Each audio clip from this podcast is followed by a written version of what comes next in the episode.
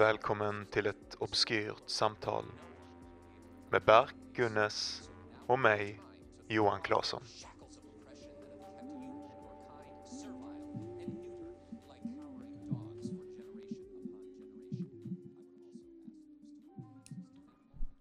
Tja. Nej. Nej, snälla alltså på riktigt. Du kan inte börja varje avsnitt med en jävla beatbox eller någonting. Jag skulle alltså... Oh my god. Dagens avsnitt handlade, skulle handla om tv-spel, skulle handla Jag om hade tänkt att det skulle handla, jag skrivit om en saker. sån grej. Tv-spel, anime, berättelser eh, i sådana här eh, traditionellt sett inte så eh, Alltså som inte är så höglitterära. Precis, liksom. precis. Berättelser som har påverkat oss från tv-spel, serietidningar, eh, whatever. Barnprogram, någonting sånt skit. Eh, det var min plan, jag hade en hel sån, oh, jag har berättat det i förväg för Bark. Bark, nu gör vi detta. Han sa, "Tja, shit vilken jävla idé alltså, wow. Det var världens grymmaste stämning. Ja, ja. Så började vi prata om ångest. ja. Och sen så blev det avsnittet. exakt. Som exakt, vanligt. Exakt. Så, det är så det blir. Så att, eh, lite stresssnack, lite gå in i väggen-snack. ja, allting som vi, vi, vi fortsätter på Precis, samma våg. Men jag precis. tyckte ändå det kändes genuint, det kändes bra. Jag rekommenderar Ja, att ni ja, lyssnar ja. på det och bedömer Precis. själva. Jag vet inte varför jag gör såna Jag vet inte italienarhänder. heller, men du det- bara förstör allting. Nej, Jo. tycker du det? Nej, inte alls. Fan Ta hårt lugnt. sagt Vilken- alltså. Nu, nu, Nu efter att vi har du- pratat ja, mental hälsa i en timme så svär han till mig. Eh, Nej, nej, nej. men... eh, Och det är bara en timme långt. Det är bara en timme långt, så den här, eh, den här veckan behöver man inte hunkra down med snacks och verkligen så eh, lyssna på en sån två timmars odyssé. Precis. Och ni vet ju vad som händer när en en och en halv timmes podcast sakta blir en timme. Det är ju döden. Det är, så det, det är cancern som sväljer. Är det så? Att, ja, obskyrt samtal är döende min vän. Nej, det är en del fakt Det är det inte. Det är det inte. Jo, det Vi, kommer, vi stannar kvar. Vi är här nästa vecka igen. Och nästa vecka ska vi prata om uh, fucking tv-spel. Ja men det är spikat, 100% klart. 100% klart. Ta 100%. med dina bästa tv-spelsminnen. Okej, men denna veckan, fucking ångest. Tack för att ni lyssnar. Obskyrt samtal, Ja. sociala medier, Instagram, Facebook, everywhere. Bam, bam, Det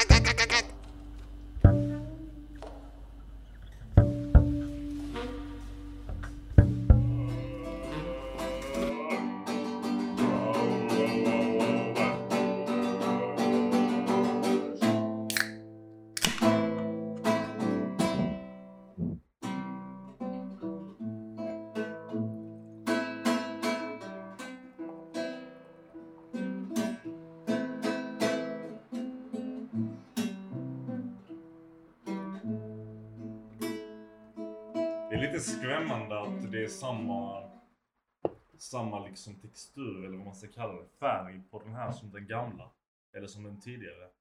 Det känns lite billigt. Ja, jag vet. Känns som Men att... det, det värsta är att jag gör ju Rain också samma sak. Jag vet inte om detta är nya modet. Att det ska vara ingen färg, tillsatt färg. Och du fattar ju också att det inte kommer inte i monster på några jävla... Woo! Du, du vet vad jag säger alltså. Du vet, bang är den nya metan. Alltså Johan, du är on top av allting på sistone. Du är on top av filosofi, bang, energidryckssmaker, musik. Du är gud bland män. Oh yeah! Jag spelar ditt på en stund. det- Jaha. Jaha. Jag ville fånga din vackra Ja, ja. musik där. Jag, jag, jag uppskattar Jag tycker om detta. Vad fan är Hallå, hallå. Alltså, jag? Johan Claesson. Ja. Ja, ja, ja, ja. Ge mig mikrofon. Ah, aha, det är för du hör inte det själv för du inte har en mick. Man hör allting med en. Jag tror inte. Man hörde allt. Jag såg den lilla saken flytta sig fram och tillbaka. Ehm, Shit alltså det är för mycket alltså. Det är två bang på så här kort tid nu som jag har druckit. Jag drack, innan drack jag eh, Mango Peach. Kan fett rekommendera. Riktigt mhm. god. Mm. Eh, nu dricker vi Rainbow Unicorn. Är Mango Peach också bang? Ja. Vet du, alltså jag säger till dig. Bang är det nya metan. Det är där, det är där energigamet händer. Det, det är någonting med så här lite dåligt designade burkar. Alltså Monster har blivit för lite, lite main, mainstream Vet du, om du alltså, tycker det att här, Monster har snyggt designade bunkar, om du, burkar, om du tänker hur deras logga ser ut. Det här jävla Nej nej vänta, som är vänta. en klump. Origina, vänta lite under timeout. Originalmonsterburken är stenful. Okej, Men de har ju Mango gjort, Loco är ja, de har ju Alltså, gjort det- väldigt ja. snygga burkar precis. De har ju step up Ja. their game. Jag hör dig, jag hör Men, dig. men Power, den här, power den här King. vad heter den med fjärilen som vi pratade om? Monarch. Exakt, Monarch. Det är en riktig, namnet det, till och med. Alltså. kolla här nu, Monarch. det är för fucking riktiga kings alltså. Det är det. Men Ja, det som är störigt, det är att det är 250 kalorier och typ 50 gram socker eller någonting. Man, man, bara, man går bort. Min kompis sa till mig att man, han vill inte dricka det för han är rädd för att få diabetes på en burk. Det jag inte fattar är varför alla energidrycker är sockerfria förutom Monster och Red Bull. Vad är det med dem alltså? Vem fan vill dricka en energidryck med 250 gram socker whatever the fuck? 250 gram socker, är du galen? eller? Det nu du, du, du tror att det är socker- fjärdedels kilo socker i en monster? Tror det. det var lite av en överdrift Ja. Johan för helvete. Men, eh, men det, det är den dåligt designade burken. Det är Ja. den fula loggan som är en, en rip-off av Beats-loggan. Vilket det är för övrigt. Det är det här... Wow, vilken, vilken astute market analysis säga, du jag- jag fucking levererar nu alltså. Jag kan. Och sen den här fonten som är så här, någon gratisfont där det står det rekommenderas ej för barn och gravida eller ammande kvinnor. Måttlig konsumtion. Ja, Det gör det på alla kanske, Jag tror jag det. Jag tror Jag att det är sån här, alltså motsvarigheten till att röka cigaretter och så ska man se någon sån måste halvrutten lunga liksom som bara viker, in, viker Ja. sig in på sig själv. Tror du Mannen du är, du är under kilo för första, 100 kilo, Nej, under jag är 100 fa- kilo Ja. för första gången på hur länge som helst. Det är fan värt en jävla applåd Nej, alltså. sluta.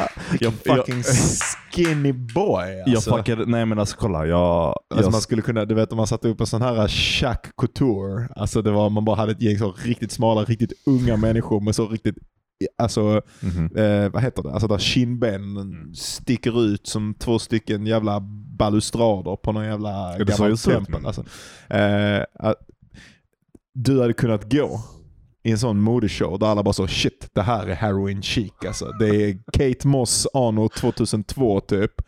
Eh, hennes jävla snubbe, han från Libertines, vad han nu heter. Pete Doherty.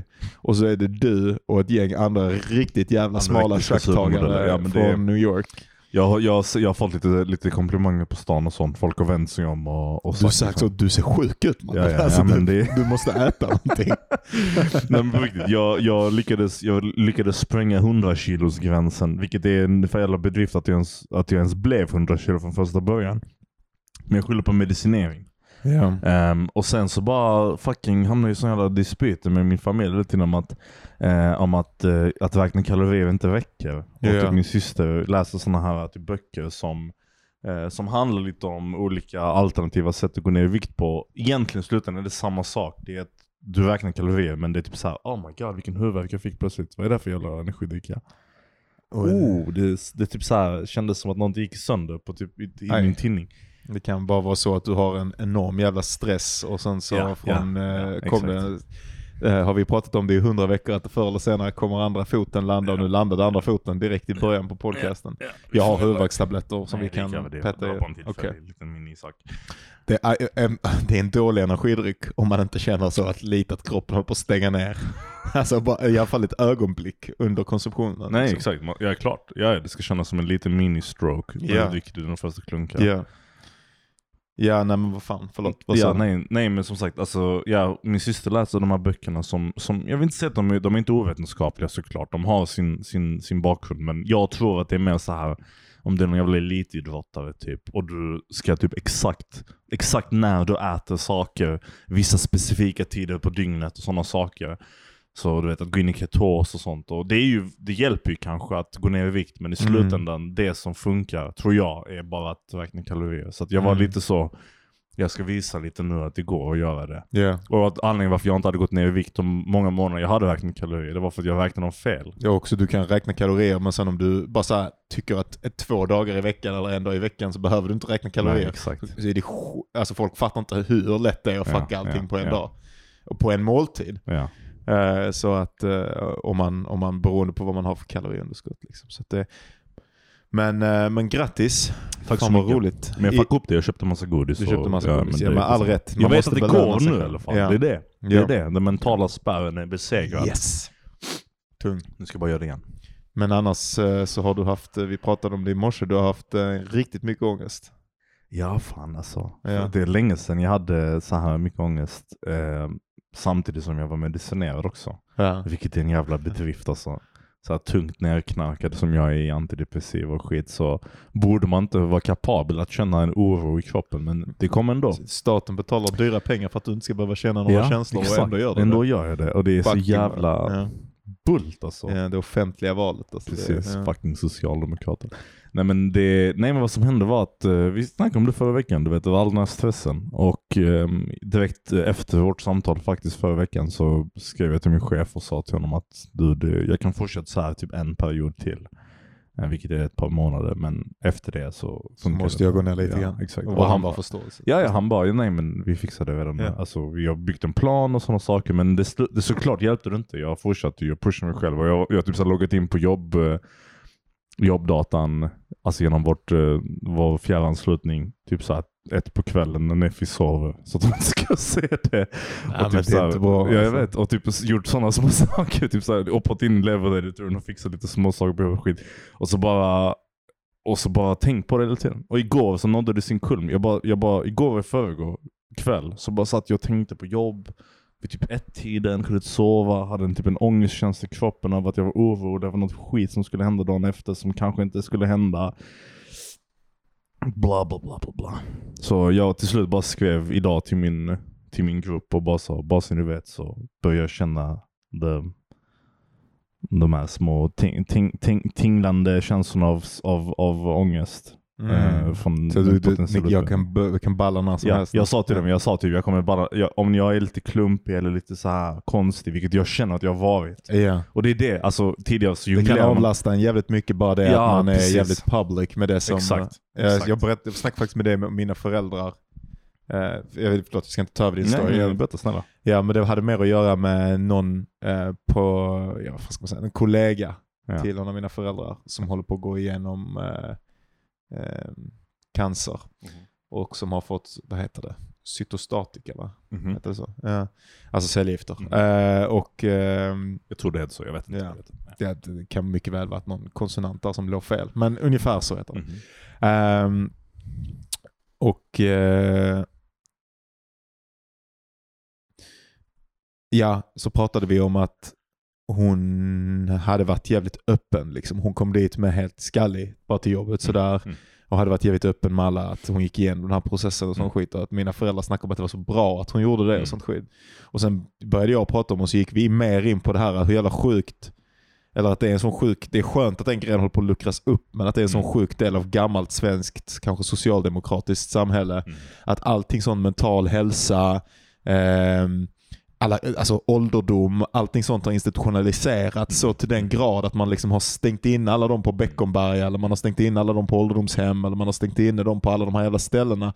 Eh, så att allting som är ehm, neurodivergent har varit liksom undanstoppat i små fack eller Precis. någonting. Eh, där inte samhället i stort har behövt se dem. Och att det är sjukt, alltså på ett sätt så är det sjukt att, alltså nu menar inte jag att mina föräldrar tycker så här, men att de ändå hade en sån, att det överhuvudtaget är någonting som är så ovanligt och Mm. bra. Mhm. Att någon som går igenom en process där de kanske dör Ja, ska behöva, alltså i, i vanlig, i viss, ja, liksom, i viss sätt. vanlig svensk liksom, eh, arbetsplatskultur Mm. så, så den, för den, den som dör är lite jobbig mot alla andra. Alltså det är någonting som är lite jobbigt Mm. för den som har ångest, Mm. eller den som håller på att dö, eller den som är i någon jävla skit. För alla andra, alltså det är inte, inte att det är jobbigt, alltså rent faktiska saker som händer. För det här är inte, alltså jag gör inte ett argument för att man ska få kunna bete sig hur som helst Mm, bara för att mm. man är en person som, som har ångest eller någonting. Men att, att uh, att, att, det, är, att, det, att det, det finns någonting inbyggt i svensk arbetsplatskultur eller i, i, i offentliga svenska rum. Jag märker ibland när jag berättar i vissa rum att jag bara, fan jag har haft ångest hela morgonen Mm, eller sånt. ja. För jag, det är så nära till hands för mig. Att folk blir obekväma. Av tanken att någon delar med sig så mycket. Alltså jag har inte sagt någonting vad det handlar om eller någonting. Jag har bara sagt att jag har haft det. Att det är jobbigt, att jag är trött, att jag är liksom Precis. åsidosatt lite grann. Att jag är fucking Ja, ja. out of myself lite. Jag, jag kan ändå märka det lite på mitt jobb, men samtidigt så är det också en internationell arbetsplats. Så det är väldigt många människor från väldigt många olika kulturer. Och även om det finns kanske vissa få som tycker att det kanske är lite konstigt att uttrycka sin, sin psykiska ohälsa på, i en professionell miljö.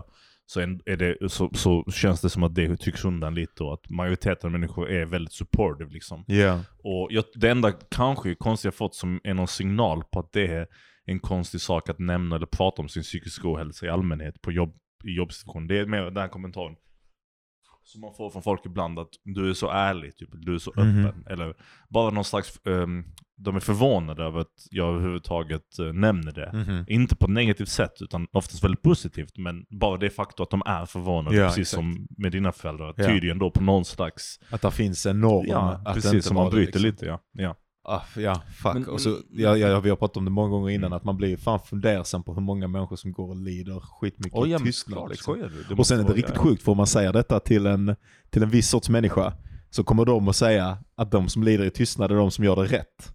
Du vet att de, eh, de som lider, eh, alltså, de badrar inte alla Mm, andra, mm. whatever. Ehm, Det hjälper ja. mycket oavsett, alltså oavsett vad det är för någonting. Det är klart att det finns gränser, vissa saker är privata kanske Ja. i en arbetsmiljö. Att, att prata om kanske, jag vet inte, relationsproblem öppet offentligt i en chatt ja, på jobbet kanske. Absolut. mellan dig och din partner. Men, men att inte må bra i en situation som, är, som, som påverkar din jobbmiljö.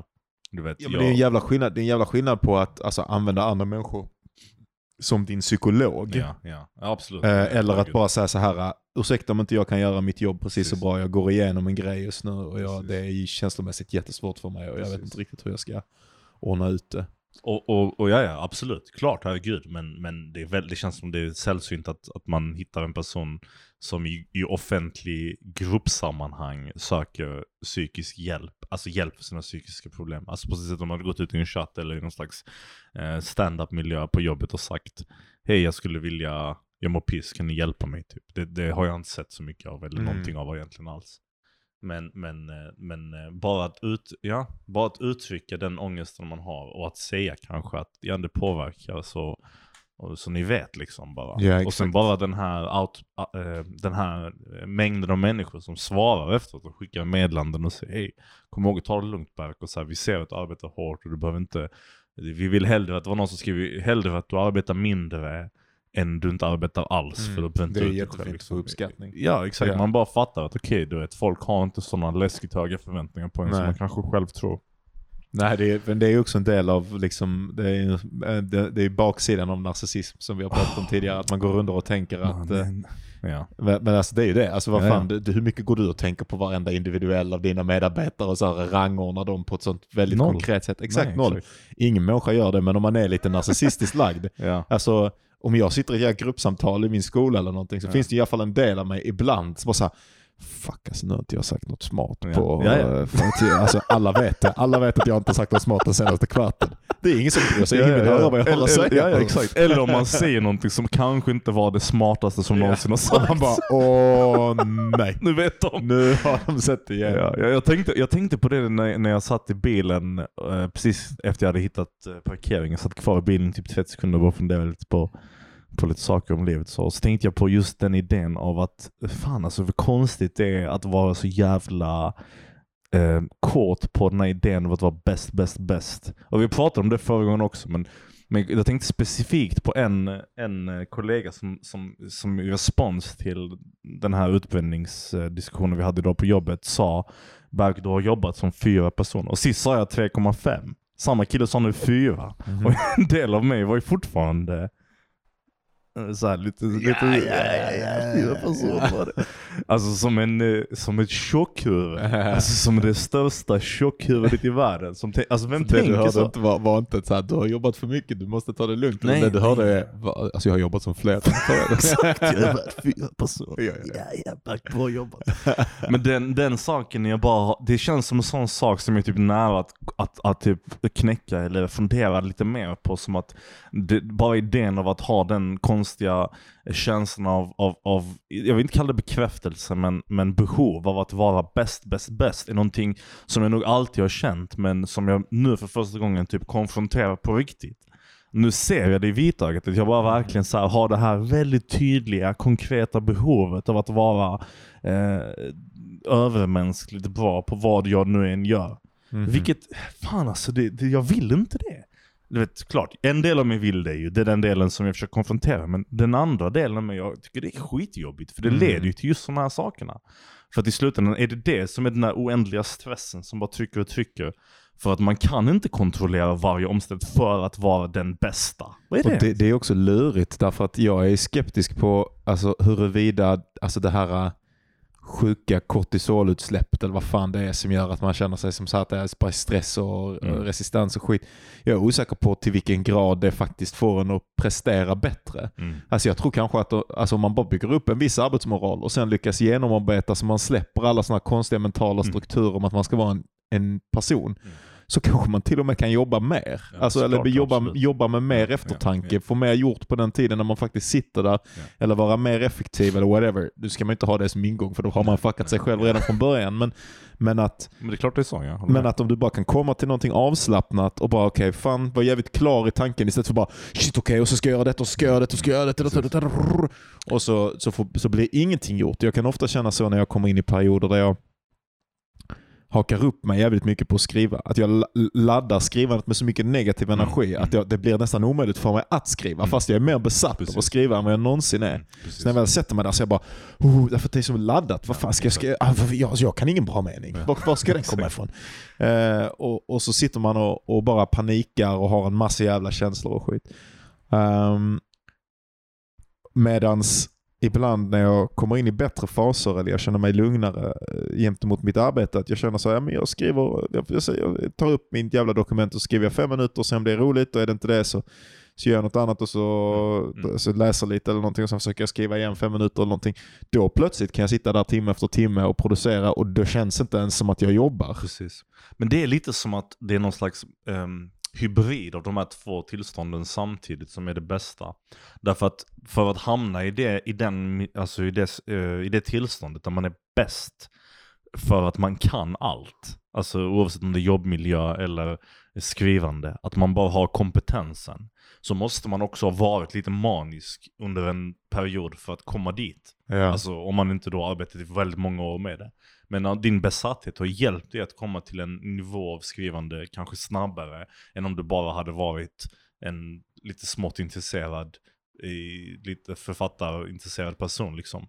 Men den här, den här, jag, jag tror den här besattheten, den har i alla fall, jag säger så för den har i alla fall gjort det för mig på jobb exempelvis. Att vara så här hyperfokuserad och vara den här, den här alltså som är totalt koncentrerad liksom åtta timmar i sträck har, har satt mig i en, en ny position. normal och en viss styrka. Liksom, det har ett gett mig en typ, ett typ sätt att tänka på, ett, typ, ett sätt att arbeta på, en vetskap om mitt jobb som jag nu skulle vilja, nu vill jag skala ner besattheten och bara Ja, utnyttja behålla de kunskapen. systemen som du har Exakt, satt på exakt. plats. Ja. Och det är det lite som skrivande, jag tänker på om det här, om, om, alltså hypotetiskt man kunnat göra liknande med skrivandet. Besatt, besattheten kommer till någon slags ro till slut. När man är såhär, okej nu vet jag hur man skriver typ. Vilket såklart inte funkar så men. Jag vet typ hur man gör, liksom, nu kan jag bara slappna av och släppa allting och bara producera så, här, så som jag känner för det. Med Ja. vetskapen att jag har kapaciteten och potentialen eller whatever att kunna producera material om jag så skulle vilja. Liksom. Ja. Ja, fucking bra energidryck är detta, man blir helt jävla... Stissig. Ja, ja. Du har inte ens druckit eh, knappt en eh, liten bit, man bara blir!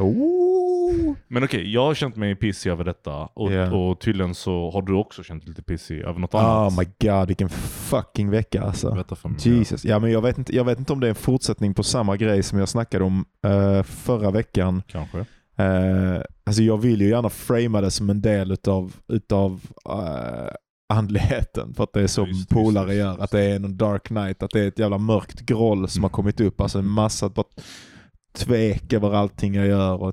Men nu är det inte ens det. Alltså nu är det bara en sån abstrakt Mm. ett tag var det riktigt mycket så här. Jag bara, jag bara fuck. Ja, alla mina vanliga tvek. Jag bara, fan spenderar jag min tid på? Vad är det här för Mm. någonting och Mm. vad ska det leda till? Ehm, men sen s- och sen så har det varit också, jag har känt mig, eh, min tjej har varit borta så jag har känt mig sjukt needy. Mm. Att jag har varit så här, att vi, att vi har inte snackat så mycket och så har jag varit typ så här, alltså jag har inte skrivit henne heller men jag har varit riktigt mycket, alltså jag har kommit in i en sån nästan, nej jag ska inte skriva för hon måste skriva för Ja, ja. konstig mindset, bitvis i alla fall. Ehm, som också alltså, som inte riktigt grundar sig i någonting verkligt. Ja. Utan som bara grundar sig i att jag har ångest och då är det liksom, då attachar det sig till allting. Och så har det varit liksom um, svinmycket hela tiden. Hur hanterar hon det då? Nej, det alltså, jag har inte om skrivit. då? Nej, vi pratade om det lite idag. och Idag var första gången vi sågs på, eh, på en vecka typ. Så Okej. det, är på den här, det har varit under den här tiden. Alltså, eh, men, men man får liksom se efter om, om jag har liksom ett större känslomässigt behov som jag känner att det måste mötas på liksom ett annat sätt än vad det gör nu så får jag ju diskutera det. Men denna veckan Mm. är jag, är jag extremt osäker på huruvida det här faktiskt grundar sig i ett känslomässigt behov och Ja. huruvida detta bara är att jag är i ett kaosställe Ja. överhuvudtaget. Det Bara- kom väldigt plötsligt. det väl? kom väldigt plötsligt. Um, och jag, ja, eh, det känns på vissa sätt på vissa sätt för mig, det här kan låta som galenskap då, men jag får fan släppa att bry mig om det. Jag, jag är väl galen. Mm. Eh, Ja, att eh, att eh, det känns som en prövning. Liksom. Mm. Det känns som att det är någonting som har kommit upp som jag måste hantera, som Mm. jag måste fortsätta jobba med, Mm. som jag måste fortsätta titta på. Men det är ändå, med det sagt, fortfarande lika jobbigt. Och det är Ja. okej så länge jag behåller min uppmärksamhet på kroppen, så länge jag fortsätter meditera. Det har liksom drivit mig till att meditera. Även när jag är ute och går med hunden så är jag väldigt mycket sådär, jag känner hur det känns att ta steg. Mm. Jag har tänkt väldigt lite för jag har varit i samma meditativa tillstånd. Men så fort jag släpper det Mm. så är det ju, då är ju ångesten kvar. Mm. Men den här linsen för att bearbeta det sjunker successivt, eller ganska snabbt, tillbaka till att bara um, kännas som vanligt eller vanlig Johan med ångest eller någonting Okej. sånt. Eh, alltså väldigt få saker um, såsom intensiva smärt, om man kan kalla ångest ett smärttillstånd, obehagstillstånd. Väldigt få saker får ju ens egen känsla av att vara avgränsad och liten och ensam och Ja. allting sånt att, att känna så påtagligt som Ja. när man genomgår lidande. Alltså när du, när, har du verkligen ont Mm. så är du helt ensam i din kropp liksom, Precis. på ett sätt som du aldrig är när du är bekväm. Ja, Då är ja. din, ditt, ditt subjekt mer Ja, poröst, exakt. mer Ja, expansivt. Ja, precis. Ja, Och Det är samma sak med ångest. Det som ångest gör är att eh, du förlorar nästan hela känslan för att det finns ett rum utanför dig. Utan du Mm. Blir så jävla inträngd i din egen kropp och i ditt eget bröst Ja. där det bara flimrar och skit. Och, eh, och är nästan det flimrandet. Eh, Så det, ja, jag vet inte fan. Alltså det har inte varit en jobbig vecka in terms of någonting som har hänt. Och ärligt talat, när jag läste igenom mitt skrivande häromdagen, jag skrev till dig, så tyckte Ja, jag att jag bara Fuck nu Mm. jävlar börjar detta äntligen se ut Mm. som någonting. Det är inte det jag tror, som vanligt är det inte det jag tror att Ja. jag har skrivit. Det är en mycket luftigare bok, mycket ja, mindre ett, ja. episk än det Ja. som jag tror att jag har skrivit. Men, men ändå, jag, men- ja, Ja. Alltså det är bara abstrakt, cool, jag tycker tonen exakt, funkar, exakt. att det är rätt så intressant. Det är lite rörigt men jag har typ så att du kan få läsa väldigt snart. Ja. Liksom. Eh, och, eh, Och det är de här 50 sidorna du Ja, pratar om? mer. Jag har, mer, jag, har- jag har snart skrivit, skri, jag, du vet jag skrev ju 140 sidor, Ja. eh, slängde dem nu. Jag har skrivit 100 sidor igen sen jag gjorde det. och jag tycker de är bra för det mesta. Ja, ja. Så det är gött som fan. Ehm, men ehm, så, så, så, så, så det kändes skitbra. Men det det är liksom som en mer Ja, Det är mer, jag djup, förstår. Nästan existentiell Ja. Mm. oro liksom. Mm. Mhm. Berättade jag det? Jag gick ju att jag fick en sån, du vet att jag har såna panikångestattacker som känns som hjärtattacker. Nej, jag berättat det ja, du har berättat det men... Jag fick ju en, eh, f- när fan var det? Det var, var det efter att vi hade spelat in förra gången? Okej. Ehm, nej, det borde ha varit, vi borde ha spelat in då. Alltså jag, det är sjukt också, det, här, det låter ju som att jag är helt störd, men det, det, är ju, det, det kan ju, sånt här kan komma upp också eh, när man mediterar väldigt mycket. Mm. Och jag mediter, hade mediterat väldigt mycket och sen gick jag och mediterade en lång meditation med en polare. Mhm. Och då plötsligt under, så har jag en riktigt, riktigt bra meditation där jag känner mig helt upplöst och whatever. Eh, och sen plötsligt så, får jag en sån, att det, jag får typ hjärtflimmer eller Ja, någonting. ja. Och det kan man ju få, det får man. Alltså sådär. Men min hjärna är så hyperattuned Ja. till sånt hjärtflimmer att direkt när den känner det så bara ruck, försvinner hela meditationen och så säger den "Där- det, var det, det är en hjärtattack på gång va? Ja. Och så nej, nej, nej säger jag. Och den säger jo, jo, jo, jo, jo. det är fucking hjärtattack på gång. Då börjar jag känna efter. Och då när jag känner efter så är det någonting, då gör jag någonting. Jag sätter igång ett adrenalinpåslag på något sätt. Jag vet inte hur själv. Jag kan inte, jag kan inte riktigt se mekaniken i mig för hur det händer. Mm. Men jag börjar känna att och jag bara okej, okej, detta, detta är det. Så, så under meditationen, jag håller på att avbryta. Jag gjorde inte det. Jag lyckades hitta mig själv och komma tillbaka till lugnet, vilket jag tror är, tror man på ehm, teorin så är det ju det man ska göra. Man ska liksom på något sätt normalisera eller man ska säga att det är obeständigt och inte har någon eh, permanent karaktär. Liksom. Så jag, och jag tror att jag lyckades det, men det var ett tag när jag öppnade ögonen, bröt och verkligen skulle säga nej, nej, nej, nej, alltså säga Ja, till han ja. som jag satt med att jag bara nej, jag, jag, kan, jag måste gå, jag kan, det går inte. Och sen så eh, fick jag kontroll över mig själv, men sen hade jag ett sånt djupt obehag som låg kvar i mig genom hela meditationen och sen satt vi och snackade och debriefade lite efteråt. Mm. Um, och då blev det väl okej igen. Men sen hade jag i typ två dagar efter det bara en sån riktigt djup känsla utav, uh, utav obehag i mig. Typ vadå känslan att det var kanske en eh, riktig hjärtattack Nej, egentligen? inte, eller? inte ens. Utan bara som att jag hade luckrat loss någonting. Så jag undrar om det är det som fortsätter. Fast å andra sidan så var jag redan inne i en, från en, en period tidigare med, med min tjej. Jag tror att det började egentligen innan det. Så jag tror bara att jag har kommit in i en sån period när jag har Mm. ångest och då hittar det sig in överallt. Mm, alltså. och det är precis. som, jag försöker jobba med den här grejen och fatta vad det är för, för, vad för triggers om några Mm. som gör att det bara kan, kan komma och bara Mm. börja så här nu. För nu är vi ju här igen. Vi har pratat om detta flera gånger att man går och oroar sig att det bara ska börja en dag och nu har det Precis, börjat. Precis. Ja, alltså jag, fan, det är konstigt för att alltså jag, jag, en del av mig tror att det du gör är jättebra. Och det du gör är typ att verkligen försöka konfrontera de här känslorna och gå in i det djupa liksom och, och titta på det. Men, och det, och det är kanske en annan sak än vad jag ska beskriva nu, men, men jag har länge känt när min ångest har varit som värst att den alltid har börjat med eh, med blicken. Liksom. Mhm. Alltså det har alltid handlat om att jag har försökt hantera ångesten genom att titta på den, genom att observera den, genom att konfrontera den, genom Mhm. alla olika sätt jag kan agera mot eller med den. Mhm. Och det har alltid blivit värre av det. Mhm. Och jag tror inte det är samma sak riktigt, för att jag har inte riktigt gått in i det på det sätt som du beskriver. Mhm. För det du beskriver är mer en meditativ tillstånd ju, Mhm. av att, av att rakt av objektivt observera. Typ se kausaliteten Exakt, i din kropp. exakt, som- ja. exakt. Men alltså det jag har gjort är mer typ så här konversationaktigt, försöka argumentera sig ut. Mhm. Och det är kanske lite, eh, jag vet inte, wha- whatever, men konsekvens av det har alltid varit för mig i alla fall att konfrontera ångesten, att titta på ångesten, att beröra ångesten är att ge den legitimitet, Mhm. vilket sen har aktiverat den. Mhm. Och det är typ lite det som hände med typ så här exempelvis den här saken som triggade igång den här stressresponsen. Den här tjejen på jobbet som hade sagt den lilla saken jag pratade om sist, om att Mhm. ja, men du borde göra detta lite bättre. Mm. Bara det att jag bearbetade den, jag försökte bearbeta den kommentaren så allvarligt som jag gjorde, vet, på tal om att ta saker med lättnad och sådana saker. Att jag inte bara tog kommentaren med lättnad och bara ehm, separerade på den som, som någonting som någon tycker och inte någonting som jag borde ligga, eh, li, ligga nära mig själv. Så bara gav jag den en sån stor legitimitet att det helt plötsligt kändes som att ångesten var riktig. Och sen efter det har jag märkt, och jag sa det idag till mig själv på jobbet, jag bara ångesten är på väg ner från, från det stupet som jag till Johan sa förra veckan ehm, jag borde kunna hantera. Exempelvis Mm. när jag gick till tandläkaren. Jag borde kunna hantera den ångesten. Ja men nu Mm. står jag inför ett liknande stup. Mm. Och det stupet är alltid litet i början. Och det Mm. nu står man ju framför det. Men oavsett. Jag tänker, vad är skillnaden då, tycker du, mellan, för jag är nyfiken på det själv, vad är skillnaden mellan att, ob- att observera ångesten rakt av så som jag, så som du gör, eller har gjort, och att legitim, legitimera den, eller göra den legitim, att göra den legitim så som jag har gjort tidigare?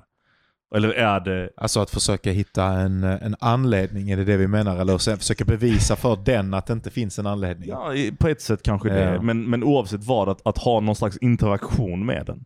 Därför så, så, det känns som att ångesten lever sitt eget liv och den gör sin egen grej. Det är en del av oss, eller en del av mig. Och så länge jag inte...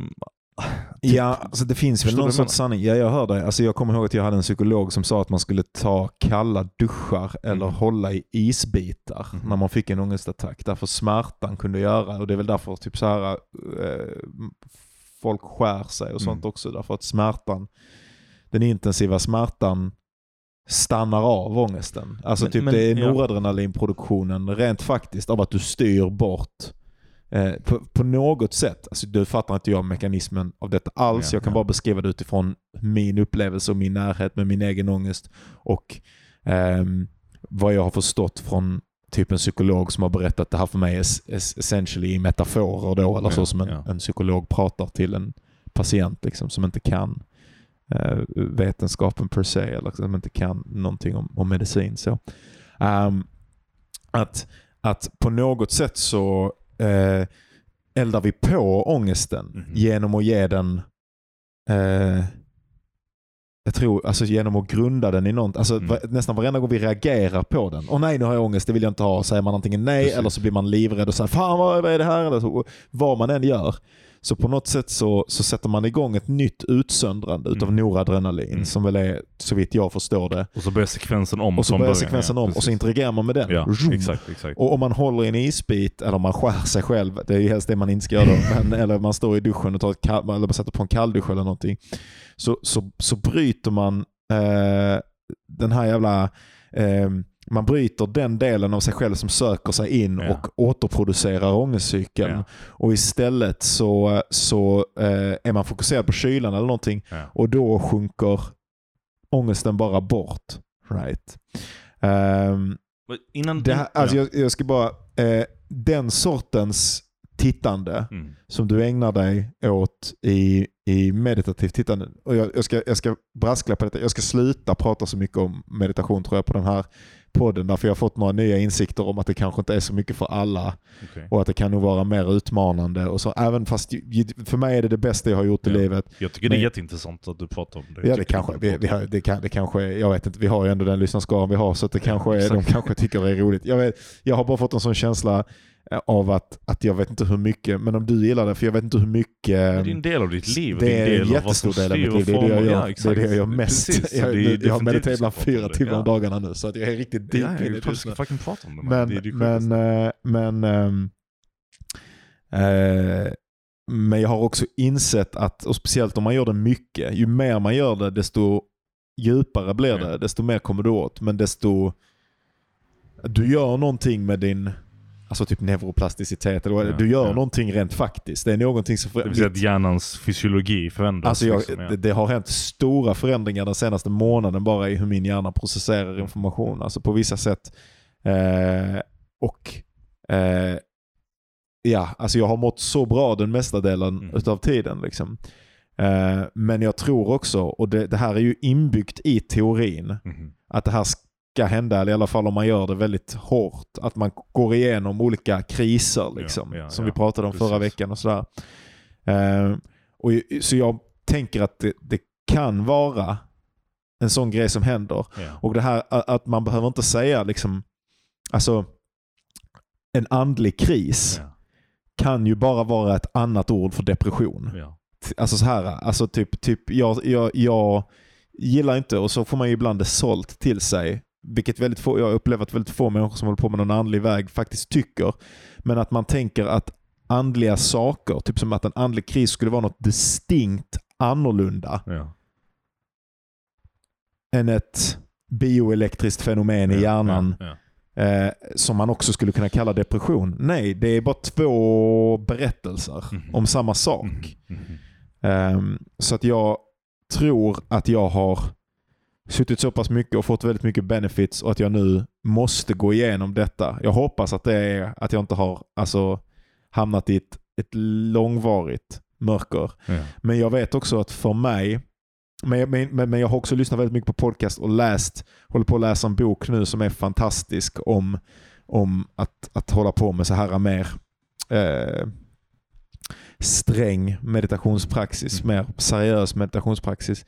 Eh, där de faktiskt är, och jag har upptäckt då att det är väldigt många som ägnar sig mycket åt säkerhet och risk calculation. Alltså och, och att prata om risken, att det faktiskt finns risker. Ja.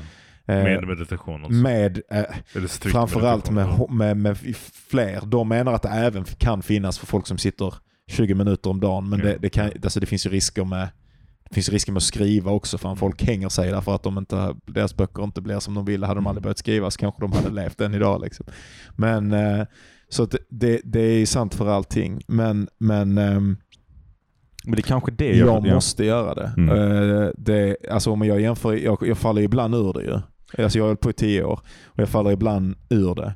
Och alltid när jag faller ur det så blir det som livet var innan jag hittade meditation. Ja, ja. Min hjärna sjunker sakta tillbaka till det och jag tror alltid att jag bara, fan jag har kommit ur det. Mm. Och till viss del, alltså det nå- kanske basnivån har höjts lite grann. Ja, ja. Men en massa grejer som verkligen inte är problem nu Ja.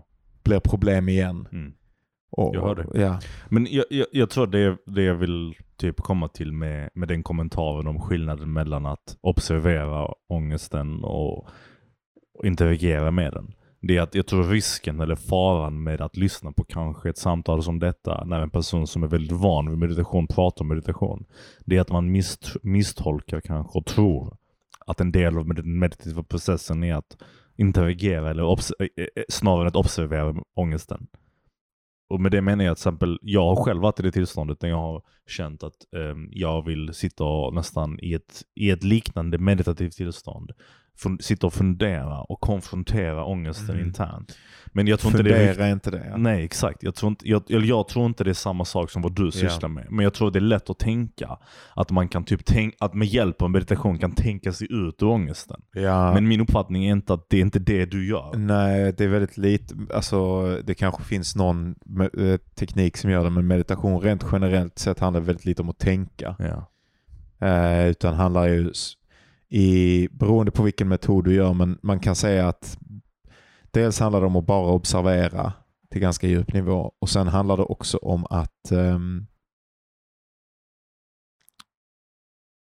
det är svårt att beskriva men jag antar att en metafor som funkar är att det finns en muskel Mm. som tillskriver inre fenomen reaktioner. Mhm. Och Det finns inte faktiskt en muskel då, men det finns en del av hjärnan som man kan känna igen när man har kä- suttit länge. Menar Som- typ respons? Att det är typ en autonom grej tills man märker att den finns där och då kan man få delvis kontroll över den eller vad man upplever som kontroll över den. Ehm, och då kan man lära sig själv att se alla sorters obehagliga förnimmelser. Så så länge jag sitter på kudden Mhm. så kan jag ha extremt, mina ben kan sova, jag kan ha extrem ångest, jag kan ha, förutom i alltså fall som den här hjärt, Mhm. jag tror att jag fick en hjärtattack där jag, där det blev så skarpt att det bröt min fokus helt och Mm. hållet. Liksom. Och det var ju ett, liksom, kan man kanske kalla ett misslyckande eller någonting. Men rent generellt, om jag har jättemycket ångest, så länge jag sitter på kudden så är det helt fine. Jag vet exakt hur jag gör för att inte reagera på den. Mm. Och då är det som, eh, då är min ångest i, i de bästa fall typ som ett bord. Mm. alltså, eller som, eh, som den tavlan. Alltså det är Mm. bara ett föremål i varseblick. Jag kan bara se att det är där. Mhm. Men det känns inte som att det har någonting med mig att göra. Mm. Eh, och, Men ja, okej. Då- men, men för annars, om man, om man sitter och tänker med den, ja. vad, vad man gör då, varenda gång du sitter och tänker på den, då sitter du och identifierar dig själv med tanken. Jag Ja, är tanken, nu ska jag in och argumentera med den Exakt. här andra grejen som också är en del av mig. Exakt. Varför jag, som finns på ett konkret sätt, har den här känslan. Vilken logisk följd inom de här logiska följderna. Och där fuckar man sig. Ja, det är exakt det jag har gjort. Så det är exakt det jag har försökt, alltså jag har försökt konfrontera den och bemöta den på samma sätt som jag hade konfronterat och bemött en konflikt med en annan människa. Man debatterar. Ja, typ, precis. Man, och jag tror många som har haft ångest känner igen sig i den i saken. Vi pratade om det tidigare. Ja, jag har gjort men, också men, men, men vad, som, vad man lär sig typ på något konstigt sätt, det är att den här återaktiveringen du pratade om tidigare, Mhm. till exempel det, den sekvensen du bryter med isbiten. Mhm. Att det är lite, att det är rätt så lurigt hur enkelt det är att återaktivera och acceptera sin ångest. Exempel jag pratade med en Mm. psykolog eh, på vuxenpsyk några år sedan som, jag fick ingen tid där för de ansåg inte att mitt problem var allvarligt nog och det är nog rätt. Eh, men jag fick eh, möjligheten att prata med den här psykologen i en halvtimme ungefär och han målade upp ett schema på väggen eller på en whiteboard där han beskrev ångesten på ett sätt som jag tidigare har fått den beskriven tusentals gånger men inte riktigt fattat förrän jag satt där i det rummet med honom. Och han sa ångesten, man har gjort kliniska studier sa han, så här Mm. väldigt enkelt. Man har kollat på människor som haft ångest och man har märkt att ångest håller bara i 15 minuter. Ja. Efter 15 minuter så faller det av i en väldigt skarp kurva. Och direkt så sa jag till honom, jag räckte upp handen, eller handen, vi satt bara, han, jag och en annan person där, så sa jag, jag, jag vill inte se emot dig, men det är inte min erfarenhet, sa jag. Jag, bara, jag får ångest i timmar, i Mhm. dagar, Mhm. i månader till och Mm. med. Alltså nonstop. Och han sa nej, du får ångest i 15 minuter men du återaktiverar den Mhm. varje gång. Och varje gång du återaktiverar den, det vill säga att du tänker på den, konfronterar den, försöker bemöta den, försöker hantera den, whatever. Så bara börjar de från början. Ja. Han bara testa en sak sa han, nästa gång. Och då hade jag den här stora kuk, kukcancerrädslan, den kända kukcancerrädslan. Och då, då sa han nästa gång du går på toa eller whatever, du ska pissa. Bara, bara, bara ha den. Bara ha den. Alltså, tänk, bara, bara acceptera att du har kukcancer. Bara, bara skitsamma, du har kukcancer. Mhm. Sånt kukcancer. Man bara låt den finnas där. Mhm. Och försök inte så här, nej nu ska jag, fuck it, nej nu ska jag fucking skita i mannen, gå in. Inget sånt, utan bara gå in och bara låt det finnas. Mm. Och fuck me om det inte gick över efter 15 minuter. Och, och efter det så var jag typ lite småbesatt av den här idén av att försöka identifiera när man återaktiverade ångesten. Mm. Men, eh, och en gång kom jag på en sån riktigt skön sak eh, där, där det var som värst med de här konstiga tankarna och hypokondriska idéerna. Det var att jag började googla andra människor som hade GAD, alltså Generalized Anxiety Disorder. Ja. Och så läste jag så forum om människor som hade liknande upplevelser. Och så blev jag skitlugn av det. Alltså jag bara kände mig så jävla bra att läsa andra människor som hade eh, annat piss för sig. Men så gick jag, och så berättade jag det för min eh, KBT-terapeut som jag Mm. då hade på, på vårdcentralen. Och hon bara, men nej, men gör inte det heller. Jag bara, va? Hon bara, ja men det är också återaktivering. Det är också legitimering av ångesten. Du, du bara hittar ett sätt att hantera ångesten på där du liksom skjuter undan smärtan i ett ögonblick för att du typ känner en bekräftelse av någonting annat.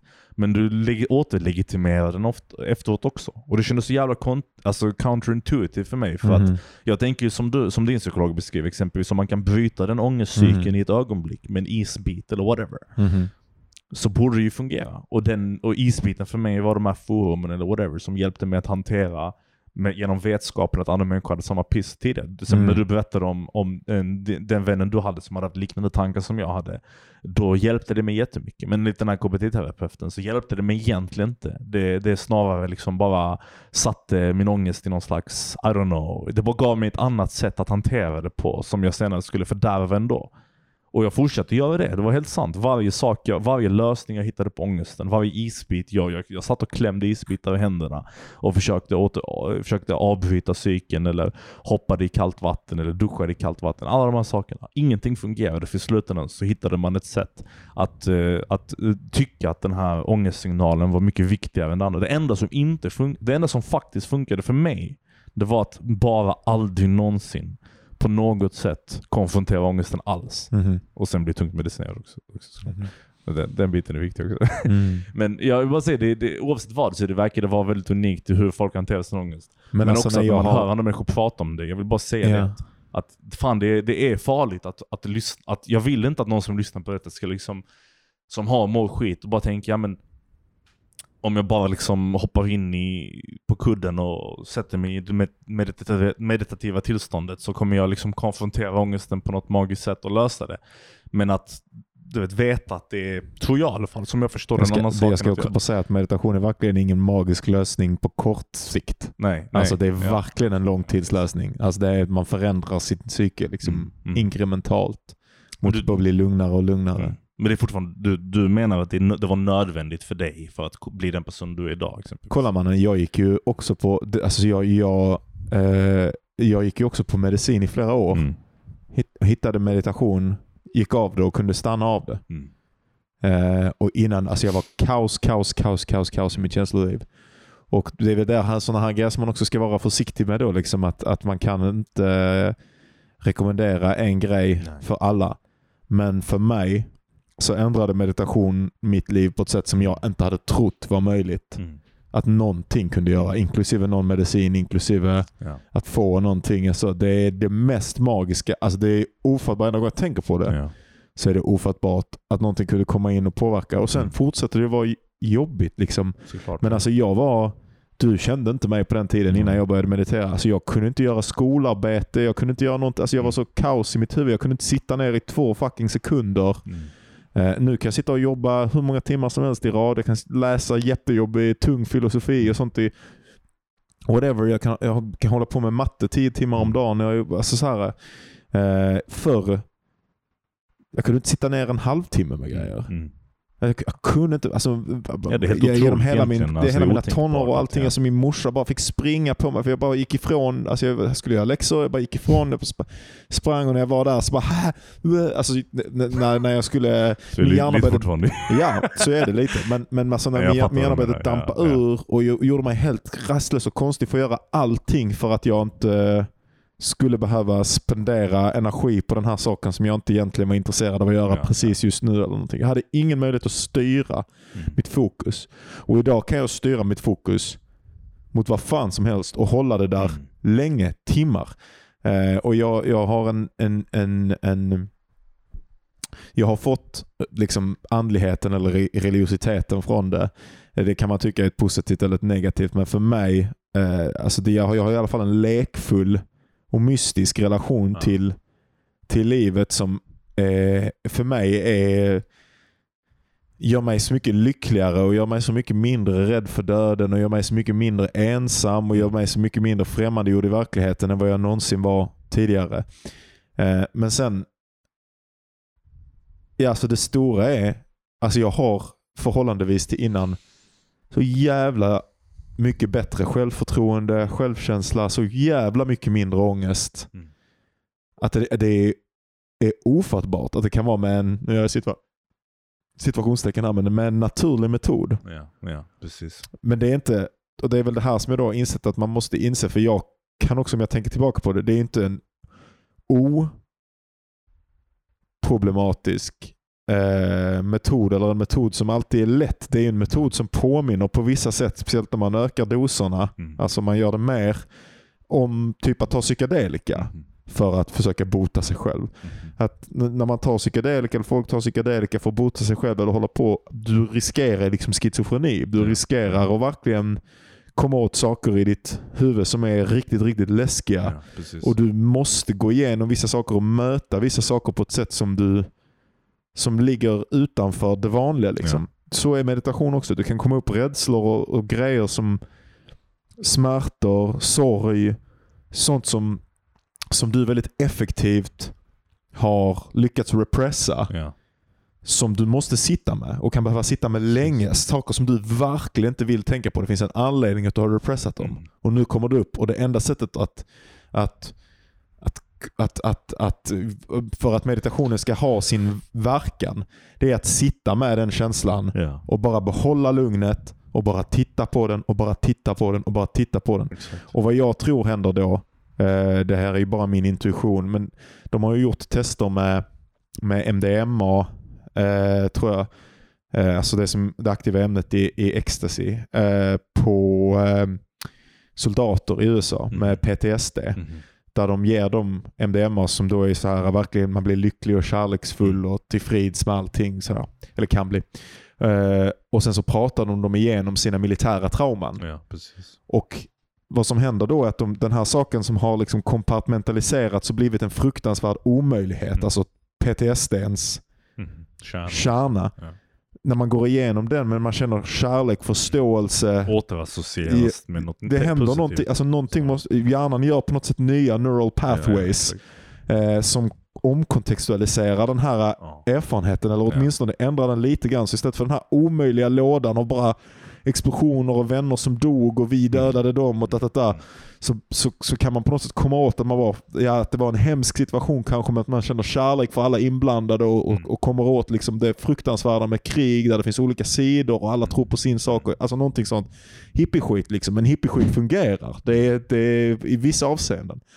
Ehm, och så är, är, tror jag meditation är också. Jag tror att eh, det är i, att fundamentala eller stora inslag utav det är att man tränar hjärnan, eh, man tränar lugn och fokus.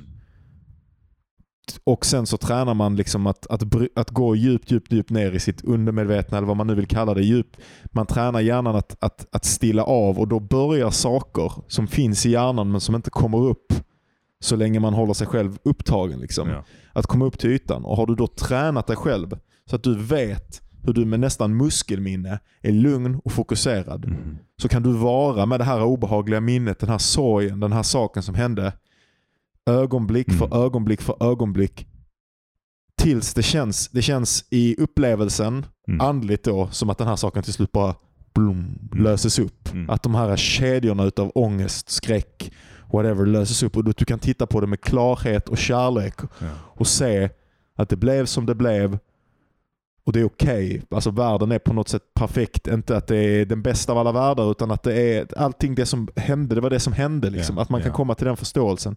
Och det är ju för att det var ju det som hände. Ja.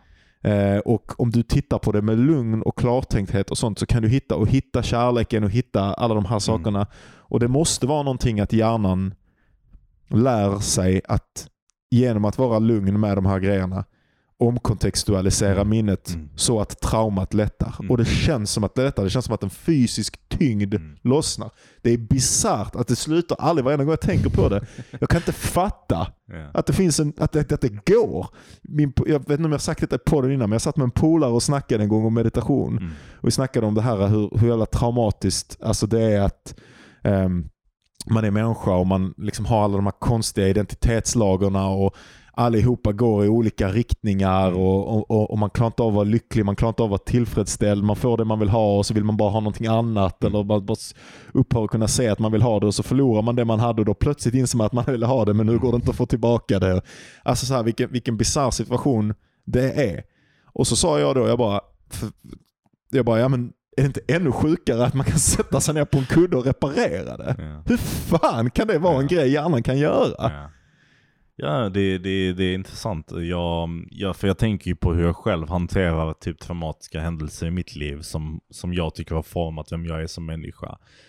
Eller framförallt vilka reaktioner jag har på saker som senare har format vem jag är som människa. Mm. Och då har det alltid känts som att det är lite som du vet eh, du kan inte omknyckla ett du kan inte, du kan inte platta ut ett knycklat papper. Det, är så här, det. det. Det, går åt ett, ett håll, entropi liksom, Mm. rör mot kaos och Mhm. inte tillbaka. Och det är som en naturlag liksom, att trauman eh, Bara blir fler liksom. ja, trauman skapar och leder till kaos. Mhm. Och att det är otänkbart att kunna typ gå tillbaka till ögonblicket och liksom återställa det på något sätt. Mhm. Men samtidigt, du vet, när jag var yngre exempelvis och mitt, största, mitt första stora trauma som, som jag tror formade mycket av den, den ångesten som senare blev hypokondri och whatever. Den, när det hände, det var ett litet bråk jag fick, men jag berättade om det tidigare, med de här killarna. Jag, och för de som inte vet, det var bara någon slags skitsak. Det var några snubbar som ville bråka med mig. som fastnade i huvudet på mig som en sån stor så här känsla av att min trygghet i Sverige hade bara försvunnit. Och jag bara kände mig inte trygg någonstans. Och efter det så började jag leta överallt efter anledningar att känna mig otrygg. Och det ledde till kroppslig rädsla och sjukdomsrädsla och whatever. Liksom. Men för att göra en kort, lång historia kort. Men redan då när jag var typ 15-16 så brukade jag faktiskt sätta mig och försöka tänka tillbaka till det ögonblicket. För att tänka att det narrativet eller den berättelsen som satte mig på den här vägen. Om jag bara kunde sitta där och komma ihåg det ögonblicket och sen komma ihåg det fel. Eller som det inte var. För vad det Ja. var var att det var läskigt och det var obehagligt och det, och det, och det producerade en ångestfylld person. Men, Mm. Men jag önskade att jag kunde komma ihåg det fel. Mhm. Och då brukade jag typ föreställa mig att jag, alltså olika scenarier, att jag gick därifrån, att jag konfronterade dem på ett annat sätt, till att, eh, till att vi sjöng. alltså allas möjliga sätt jag bara kunde för att försöka återkontextualisera situationen. Men det funkade ju Mm. aldrig. Mm. Och när du berättar om det så, så tänker jag på hur det finns en skillnad. Därför att jag är lite så här anti, ehm, anti psykoterapi. Där så här, jag tror inte att, att trauman kan, kan helas genom att prata om och förstå ursprunget. På det sättet du gör liksom psykologsoffan hos Freud. Mm. Där du pratar om ditt barndomstrauma. Och genom att förstå ditt ba- barndomstrauma så ska du alltså nysta upp det och inte ha den ångesten. Det spelar väl fan ingen roll tänker jag. Men det, det låter lite som när du pratar om dem, att det är skillnad mellan att förstå sig på sitt eh, barndomstrauma eller sitt trauma. Innehållet. Ja, Ja. exakt. Och att förstå sig på det på riktigt, så som det faktiskt hände. Eller, Mm. eller att titta på det med en, en distans som man kanske inte har tillgänglig när man ligger bredvid psykologen liksom och pratar om, om situationen. Utan Mm. att jag, jag, jag, och som någon som har en distans till det, för att jag har, nog, jag har ju inte mediterat så som du har. Jag har gjort något annat som typ hade samma liknande effekter en liten period när jag var yngre. Mhm. Men det har inte rört på den här typen av, av, av djup liksom observation och självinsikt som den meditationen du gör Mhm. har. Så att jag har en distans till det. Och när du pratar om det så känns det som att jag bara, okej men jag, jag tror jag kan se skillnaden mellan de två sakerna. Förstår du vad jag menar? Mhm. Att, att, att veta och förstå sig på traumat och att återkontextualisera traumat eh, genom att titta på det. Jag tror... Därför jag, att, därför att, förlåt, jag vill bara avsluta, för jag kom precis på vad jag skulle säga. Mhm. Eh, därför att när, varje gång jag föreställde mig att jag sjöng eller dansade eller sprang ifrån de här killarna Mhm. så, så trodde jag att jag eh, försökte åter, att jag försökte ljuga för mig själv för Mm. att lösa eller komma bort från sanningen. Men sanningen är väl att det ögonblicket som ledde till traumat, det var inte läskigt. Egentligen. Att det var inte, det är också en, en lögn i sig. Konfrontationen som inträffade mellan mig och de killarna, Mm. det var väl också en lögn på ett sätt. Mm. Och genom att, jag föreställer mig att genom att meditera och titta på det ögonblicket så kanske det är den insikten man, man potentiellt kommer till. Att det handlar inte om att jag ska titta tillbaka och låtsas som att traumat inte inträffade. Jag skrattade istället, vi dansade istället, vi sjöng istället, vi sprang därifrån istället. Och att förtrycka, trycka ner traumat. Utan det är att titta på traumat och gå, jag gick bara ut ur min dörr och där var de killarna. Mm. Och de sa detta och jag sa detta och sen gick Mm. jag därifrån. Det är inte att ljuga, det är bara att titta på situationen så som den är. I Mm. alla fall det är så jag föreställer mig det när du pratar om det. Men jag är troligtvis helt fel. Vad tänker du? Nej, det finns nog något, det, fin, det finns nog någon, någon, någon sanning i det. Det är också så att det, det berör andra saker. Det berör inte bara minnen heller, utan det är också, det förändrar hur man ser på Ja, det förändrar, det förändrar hur man ser på, eh, på aspekter utav verkligheten. Mm. Det förändrar eh, den här förväntan av att vara en konsekvent person som Mm. liksom kan bli... Det, det, det, det, långsamt, lång- långsamt luckras liksom upp att det ens finns en person som kan ha trauman. Ja. om det makar sense. Ja. Det blir det verkligen flummigt. Men så är det Nej, verkligen. jag att det som händer är att Alltså, för att, som vi har pratat om någon gång när man pratar om fenomenologi, på något sätt i alla fall, Mhm. även om det inte känns så för, för de flesta, så är måste man ju erkänna att det är ju ingenting som är permanent i människan. Mm. Alltså det är ju en massa jävla celler som förnyar sig själv hela tiden. Överallt, inne i hjärnan, överallt. Så det är bara förnyelse, förnyelse, förnyelse. Mhm. Eh, och på samma sätt, liksom, det är ingenting permanent som man tittar på utan det är bara en massa jävla ljus som träffar ögonen som bara förnyas hela tiden och så, så uppdaterar den hela tiden. Så här ser ljuset ut nu, så här ser ljuset ut nu och så skapar den en bild Mm. inuti huvudet. Jada, jada, jada. Eh, egentligen, eller vad man ska säga, inte egentligen, för det, då är det som att man säger att det finns en annan sanning. Men det konsekventa jaget som verkar finnas över tid Mm. och som verkar ha samlat på sig en massa trauman över tid.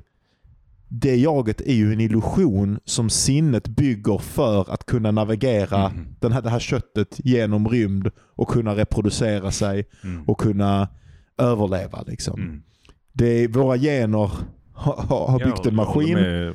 Ja, de har byggt en maskin eh, för att kunna sprida sin genetiska kod vidare. Mm. Och för att det ska ske så för- måste en konsekvent människa existera Och i, ett, exakt. i en kropp. Liksom. Exakt. Ja. Eh, och jag tror aldrig att man blir av med det. Jag tror inte ens om vi leker med tanken att upplysthet finns, att, att, man, alltså att man plötsligt bara, Ja. fan, då skulle man ju bara falla ihop. Alltså på något Ja. sätt finns där ett jag kvar på något, i något Ja, av sig. ja. Där, finns, där finns en, en lokalitet i rymden. En, Mm. en, en person som är hungrig och går under och gör grejer.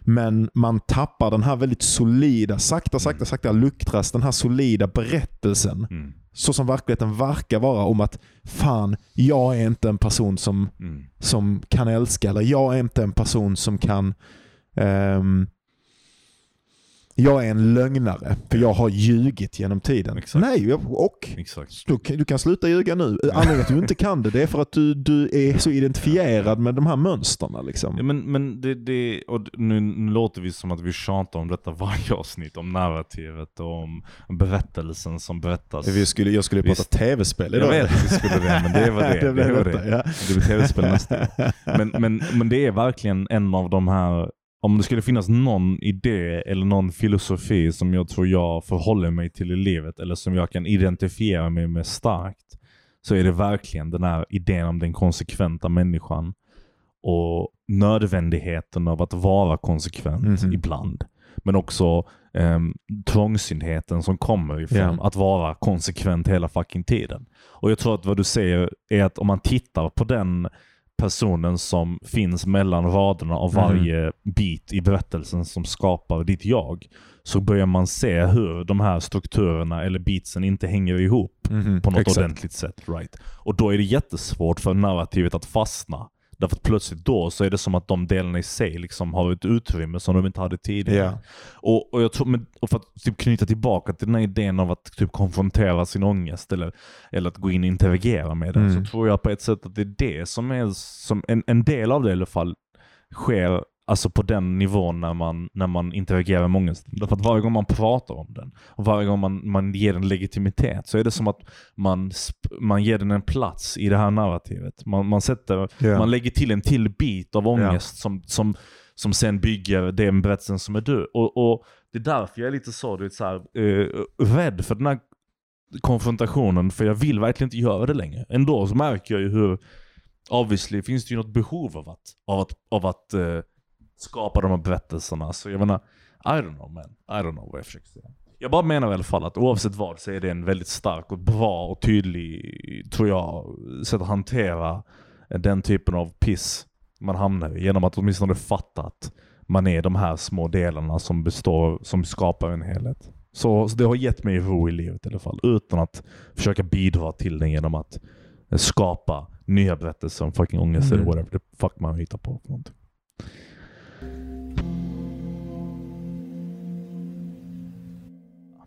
Så, det var, det var veckans avsnitt. Mm. Vi kör ett eh, lite kort avsnitt den här veckan för vi har gjort flera stycken som har blivit så jävla långa. Precis. Jag gillar typ lite den här grejen av att vi bara sätter oss ner och bara babblar ut ett avsnitt på en Det här, timme. det, här var bara, klippning. ja, det här var bara en Ja. riktig köttklassisk äh, ångest, äh, obskyrt samtal. precis, eh. precis, precis. det här är vårt liv. Ja, exakt. Ja, men. Men, eh, men eh, fan, alltså någon gång vill jag gärna att vi verkligen går igenom eh, de här processerna som skapar ett bra meditativt tillstånd med dig. För jag är nyfiken personligen på hur man skulle börja något sånt. Eh, Jag tror jag vet lite, men det kanske är nice att bara så här gå igenom från grunden. Mm. Eh, Kanske någon annan är intresserad också, I don't know. Men jag skulle vilja göra det någon gång i alla fall. Göra. Eh, ja, tack för att ni lyssnade. Tack så jättemycket för att ni lyssnar. Uh, obskyrt samtal på sociala medier. Där har vi det. Facebook, Instagram. Han sa det. Eh, jag har fått eh, önskemål eh, att vi ska uppdatera när vi släpper avsnitt på Instagram. Bro, Det är bara mer skit. som en del av min stresshantering i livet Det så bara- ligger det på dig. Ja, ja, och jag kommer inte göra det så det blir inga jävla Instagram-uppdateringar.